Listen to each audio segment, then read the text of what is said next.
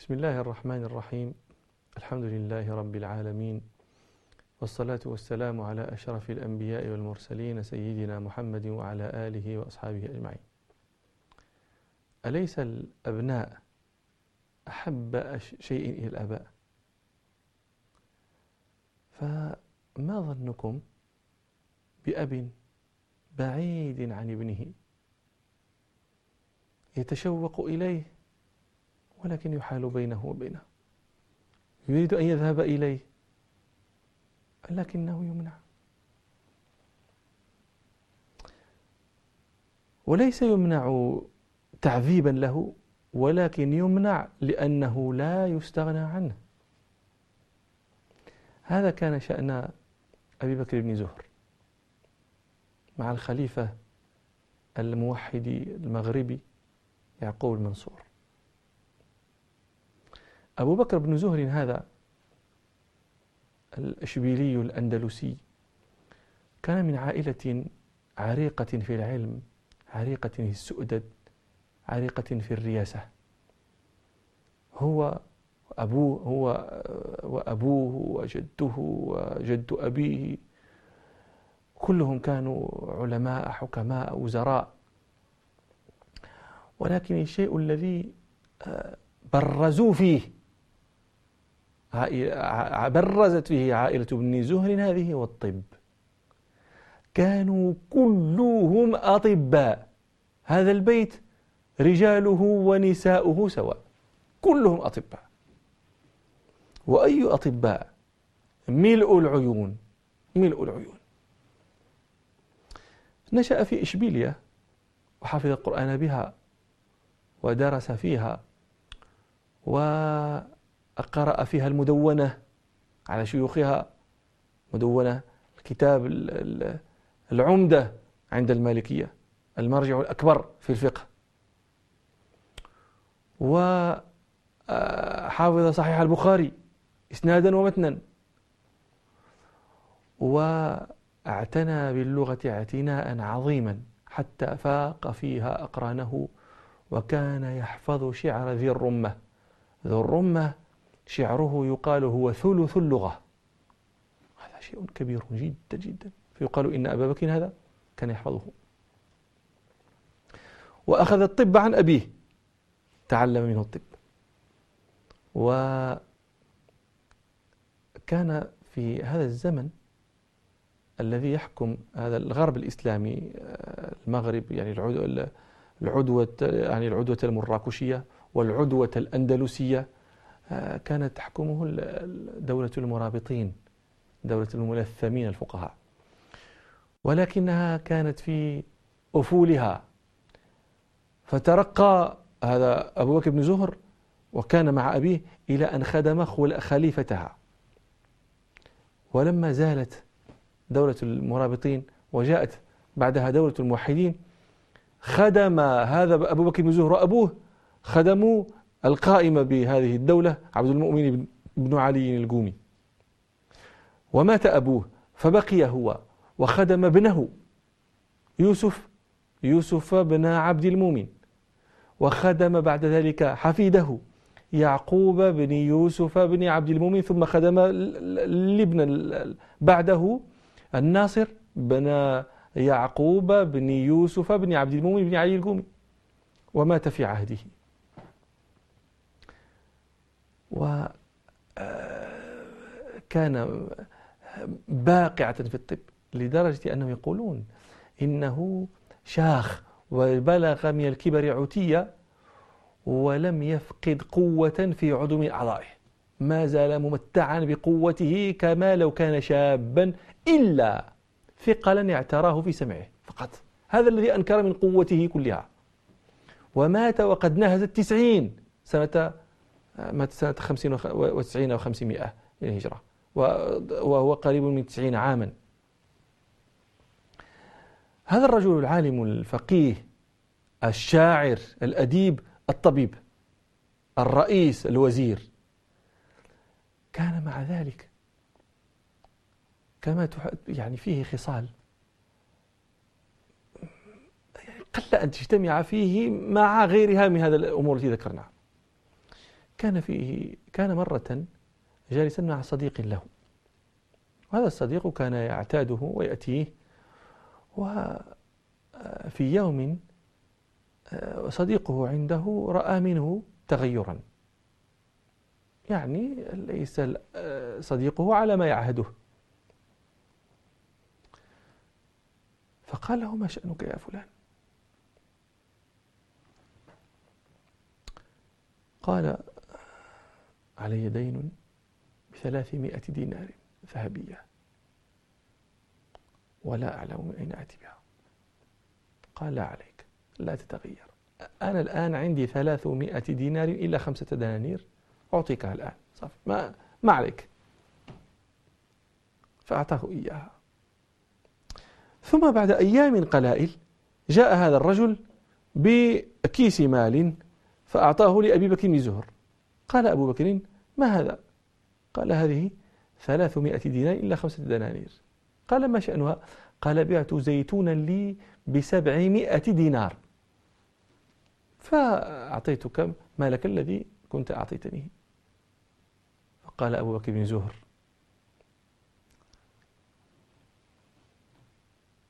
أتظن أني أعطيتكها وأنا أريدها؟ خذ مالك فوالله لا أخذه أبدا. فقال هذا الصديق قال والله أنا ما لست أحتاجه. لا أحتاجه لا منك ولا من غيرك أنا يعني ما, الحمد لله غني مليء فما أحتاجه. فأسر أبو بكر أن يأخذه ما ما أعطي ما أعطيتكه لتعيده إلي. هذا أعطيتك ولم أقرضك. فأصر الآخر على أن يأخذ أن يرد مال أبي بكر لأبي بكر. فقال أبو بكر بن زهر لصديقه هل أنت صديقي أو عدوي؟ قال بل صديقك. قال فوالله لئن لم تأخذه لتصيرن عدوا لي. قال فأخذه وشكره على صنيعه. وثلاثمائة دينار هذا مبلغ مبلغ. وكان مع كرمه هذا وشرف نفسه. كان ذكيا جدا ذكيا. كان عنده مرة رجل من أهل الأندلس فدخل عليه صديق له رجل فاضل من أهل خراسان أقصى المشرق. فلما جلس وكذا قال هذا آه، الثالث في المجلس قال للخراساني كيف رأيت علماء الأندلس؟ فقال الخراساني كبرت. كبرت يعني قلت الله أكبر. يقول حاكي القصة هذا الثالث الذي كان في المجلس. يقول حاكي القصة ما كبرت. قال فلم أفهم ما يقول. كبرت. فاستبردت الجواب. يعني جدته باردا. فاستبردت الجواب. ووقع من نظري هذاك الإنسان. يقول لك ما كيف تجد علماء الأندلس تقول أنت كبرته إيش هذا علاقة كبرته فنظر ابن زهر أبو بكر بن زهر إلى هذا الأندلسي ففهم ما جرى في نفسه. هذا كله جرى في نفسه هذا الذي حدثتكم به. ففهم أنه ما استبرد الجواب لم يدركه. فقال أبو بكر بن زهر لهذا لهذا السائل أتحفظ شعر المتنبي؟ قال نعم. قال أقرأت شعر المتنبي؟ قال نعم. أحفظه. قال تحفظه كله. قال أحفظه كله. قال أنظرت إلى قوله كبرت حول ديارهم لما بدت منهم شموس منها شموس وليس فيها المشرق. كبرت حول كبرت حول ديارهم لما بدت منها الشموس وليس فيها المشرق. قال قال قال فعلى نفسك فأنكير. وعلى فهمك وفهمك فاستبرد. هو لما حلك هذا الخراساني أنت في مجلس ابن زهر. ابن زهر أديب المفروض لا يجلس معه إلا من هو مثله. وأنت لما كنت غليظ الطبع عريض القفا ما أجلسك بيننا. ما تفهم؟ قال لك كبرته فهم أنت؟ أثنى عليك الرجل غاية الثناء هو كبرت. المتنبي ماذا يقول؟ ويمدح قوما. قوما كانوا يسكنون جهة كانت مساكنهم جهة المغرب والشمس تشرق تشرق من جهة المشرق. فقال هو المتنبي كبرت لما لما كان عند بيوتهم بدت منهم تلك الشموس. لكن بيوتهم لا تقع جهة المشرق. ومع ذلك يشبه أهل تلك البيوت بأنهم شموس. فهكذا يحكم ذلك الخراساني على علماء الأندلس أنهم شموس أيضا. فألمح إلى هذا بقوله كبرت. وهذا من لطيف الكنايات لكن صاحبنا لم يفهم فعاد بعد ذلك يعتذر إلى الخراساني يقول له آه لقد عظمت في عيني بقدر ما سقطت أنا في عيني, في عيني نفسي. وهذا التلميح يدلكم على ذكاء العرب. ذكاء ذكاء. نحن ما نعرف مثل هذا في عند غيرنا. فيكتور هوغو هذا من من فحول شعراء الفرنسيين. لعله أشعار لعله أشعار شعرائهم. شكسبير هذا جوته عند الألمان. لكن ما نحسب أن الآن إنسانا ينشد كلمة من قصيدة لأحد فيفهم ما يقصد المتكلم. هذا كانت تفعله العرب. ما قرأناه في عند غيرهم المعري أبو العلاء المعري الشاعر الألمعي كان يهيم بالمتنبي مغرما به يعشقه. يرى أنه لا يعلى عليه في طبقته. والمعري كان شاع ذكره شاع هو ما زال في طور الشباب ولكن شاع ذكره وبالغت أخباره الآفاق. فأتى مرة مجلس, مجلس الشريف من المؤرخين وأصحاب السير والأخباريين من يقول الشريف الرضي ومنهم يقول هو مجلس أخيه الشريف المرتضى. فدخل عليه فلما عرفه آه، عرف المعرية أكرمه وأنزله منه محل المعظم المكرم. لكن الشريف هذا كان يتعصب على المتنبي ويحط منه ويغض منه. وفي مجلس من المجالس والمعري في المجلس عند الشيخ ذكر المتنبي فغض منه الشيخ. فما استطاع المعري أن يتحمل هذا. المعري هذا المعري هو مجنون المتنبي. الناس كانت تقول مجنون ليلى ومجنون كذا مجنون هذا مجنون المتنبي. وتأتي أنت وتحط من المتنبي والمعري يسمع وتريده أن يسكت. فماذا قال؟ قال الشريف لو لم يكن للمتنبي إلا قصيدته التي يقول فيها لك يا منازل في القلوب منازل أقويت أنت وهن, وهن منك أواهل لكفاه. لو لم يكن له إلا هذه القصيدة لكفته. فغضب الشريف غضبا شديدا جدا. وقال جروا برجل الفاسق وأخرجوه من المسجد. وطرده. وأخرج المعري. ثم رجع الشريف إلى تلاميذه. وقال لهم أتدرون ما أراد الكلب؟ فإن للمتنبي قصائد هي خير من هذه التي ذكر. ولكن لماذا ذكرها هو هذه؟ لأنه أراد بيتا فيها. ما هو البيت؟ وإذا أتتك مذمتي من ناقص فهي الشهادة لي بأني كامل. يعني المعري يشتم الشيخ. والشيخ فطن تلقفها. يعني ما شو ذكاء ذكاء الطلبة أذكياء العلماء أذكياء. طيب نرجع إلى ابن زهر. ابن زهر هذا أنا قلت لكم إنه هو كان يتشوق ابنه. ولكن كان الخليفة يحول بينه وبينه. كيف هذا؟ ابن زهر رجل إشبيلي أندلسي. أهله في, إشبي في, في الأندلس أبناؤه في الأندلس داره في الأندلس. لما وفد على الخليفة الذي يحكم الأندلس وهو في مراكش لما رآه الخليفة يعقوب المنصور الموحد هذا أهام به. ما عاد يقدر على فراقه. فيقول له سل كل شيء واحتكم فيما تريد إلا الذهب. هذا لا. لكن يا الشيخ له أولاد له أهل ويتشوق خاصة ابنا له صغير. الخليفة مرة سمع أبا بكر بن زهر أبا بكر بن زهر يقول شعرا في ابنه هذا الصغير يقول ولي واحد مثل فرخ القطع. فريخ فرخ صغير. ولي واحد مثل فرخ القطع. صغير تخلفت قلبي لديه تشوقني وتشوقته فيبكي علي وأبكي عليه. وقد تعب الشوق فيما بيننا فمنه إلي ومني إليه. فسمعها الخليفة فأيقن أن هذا الشوق قد بلغ من أبي بكر بن زهر مبلغا لا يمكن أن يتحمل مثله آه، ولا أن يزاد عليه. فانظروا همة الخلفاء المعتنين بالعلماء. ماذا فعل الخليفة؟ شيء لا يمكن أن يقع لكم في بال. ماذا سيفعل؟ سيقول اذهب حتى تنظر أهلك وتجلس عندهم. لا هو لا يستغني عنه. وماذا يفعل؟ يقول أنا أتيك بأهلك. هذه همة أحدنا ليست همة الخلفاء. ماذا فعل؟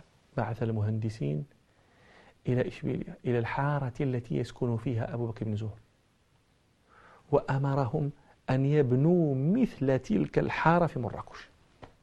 مثلها. ليس ليست دارا مثل دار ابن زهر إنما يبنون الحارة كلها بدار ابن زهر بجيران ابن زهر كل شيء مثله. هما لما بنيت الدار أتي بعث إلى أهل ابن أبي بكر بن زهر وبأثاثه وكتبه ومتاعه وكل شيء وجعلها في الدار التي بنيت في مراكش. في وقت قصير من غير أن يعلم ابن زهر بشيء مما يدبر. فلما تم كل شيء ذهب به آه، يماشيه وبدأ ينتحي به جهة تلك الحارة. فلما أتاها نظر ابن زهر إلى الحارة. فكاد بدأ يصيبه الدوار. أين أنا؟ إشبيلية ولا في مراكش ولا؟ ما هذا الحارة هذه حارتنا هذه. هذه دار فلان وهذه دار فلان هذه. أين أنا؟ ثم قصد والخليفة ساكت يتركه ثم قصد الباب الذي هو يشبه باب داره. ففتحه فوجد عياله ذلك البيت الصبي الذي كان يتشوق. فكاد يجن من الفرح.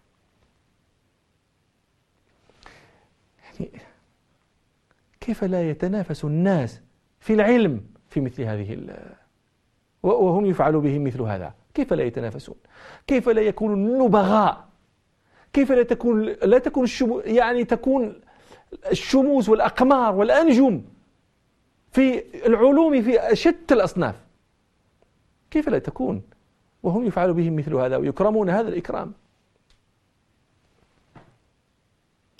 لكن ثمة شيء لم يتحاشى ابن زهر ولم يوقره ولم يكرمه. وهو السن تقدم به كما تقدم بغيره. ونظر يوما إلى المرآة فرأى الشيب ورأى الشيخوخة وتحسر على أيام صباه. وكان فقال أبياتا تدل على شدة التفجع والتحسر والتوجع على العمر على الشباب الذاهب وعلى الشيخوخة الحاضرة. قال إني نظرت إلى المرآة إذا جليت فأنكرت مقلتاي كل ما رأتا. ما الذي رأته مقلتك؟ في المرآة ما الذي تراه مقلة أحدنا؟ ترى نفسه. رأى نفسه فأنكرت كأن مقلته تقولان له لا أنت من هذا؟ فأنكرت مقلتاي كل ما رأتا. رأيت فيها شييخا لست أعرفه وكنت أعرف فيها قبل ذاك فتى. فقلت أين الذي مثواه كان هنا؟ متى ترحل عن هذا المكان؟ متى؟ فاستجهلتني المرآة فاستجهلتني. وقالت لي وما نطقت؟ قد كان ذاك. وهذا بعد ذاك أتى. كان الغواني الغواني جمع غانية والغانية هي المرأة التي تستغني بجمالها عن الزنا كان الغواني يقولن يا أخي فقد صار الغواني يقولن اليوم يا أبتا وإلى لقاء آخر إن شاء الله والحمد لله رب العالمين.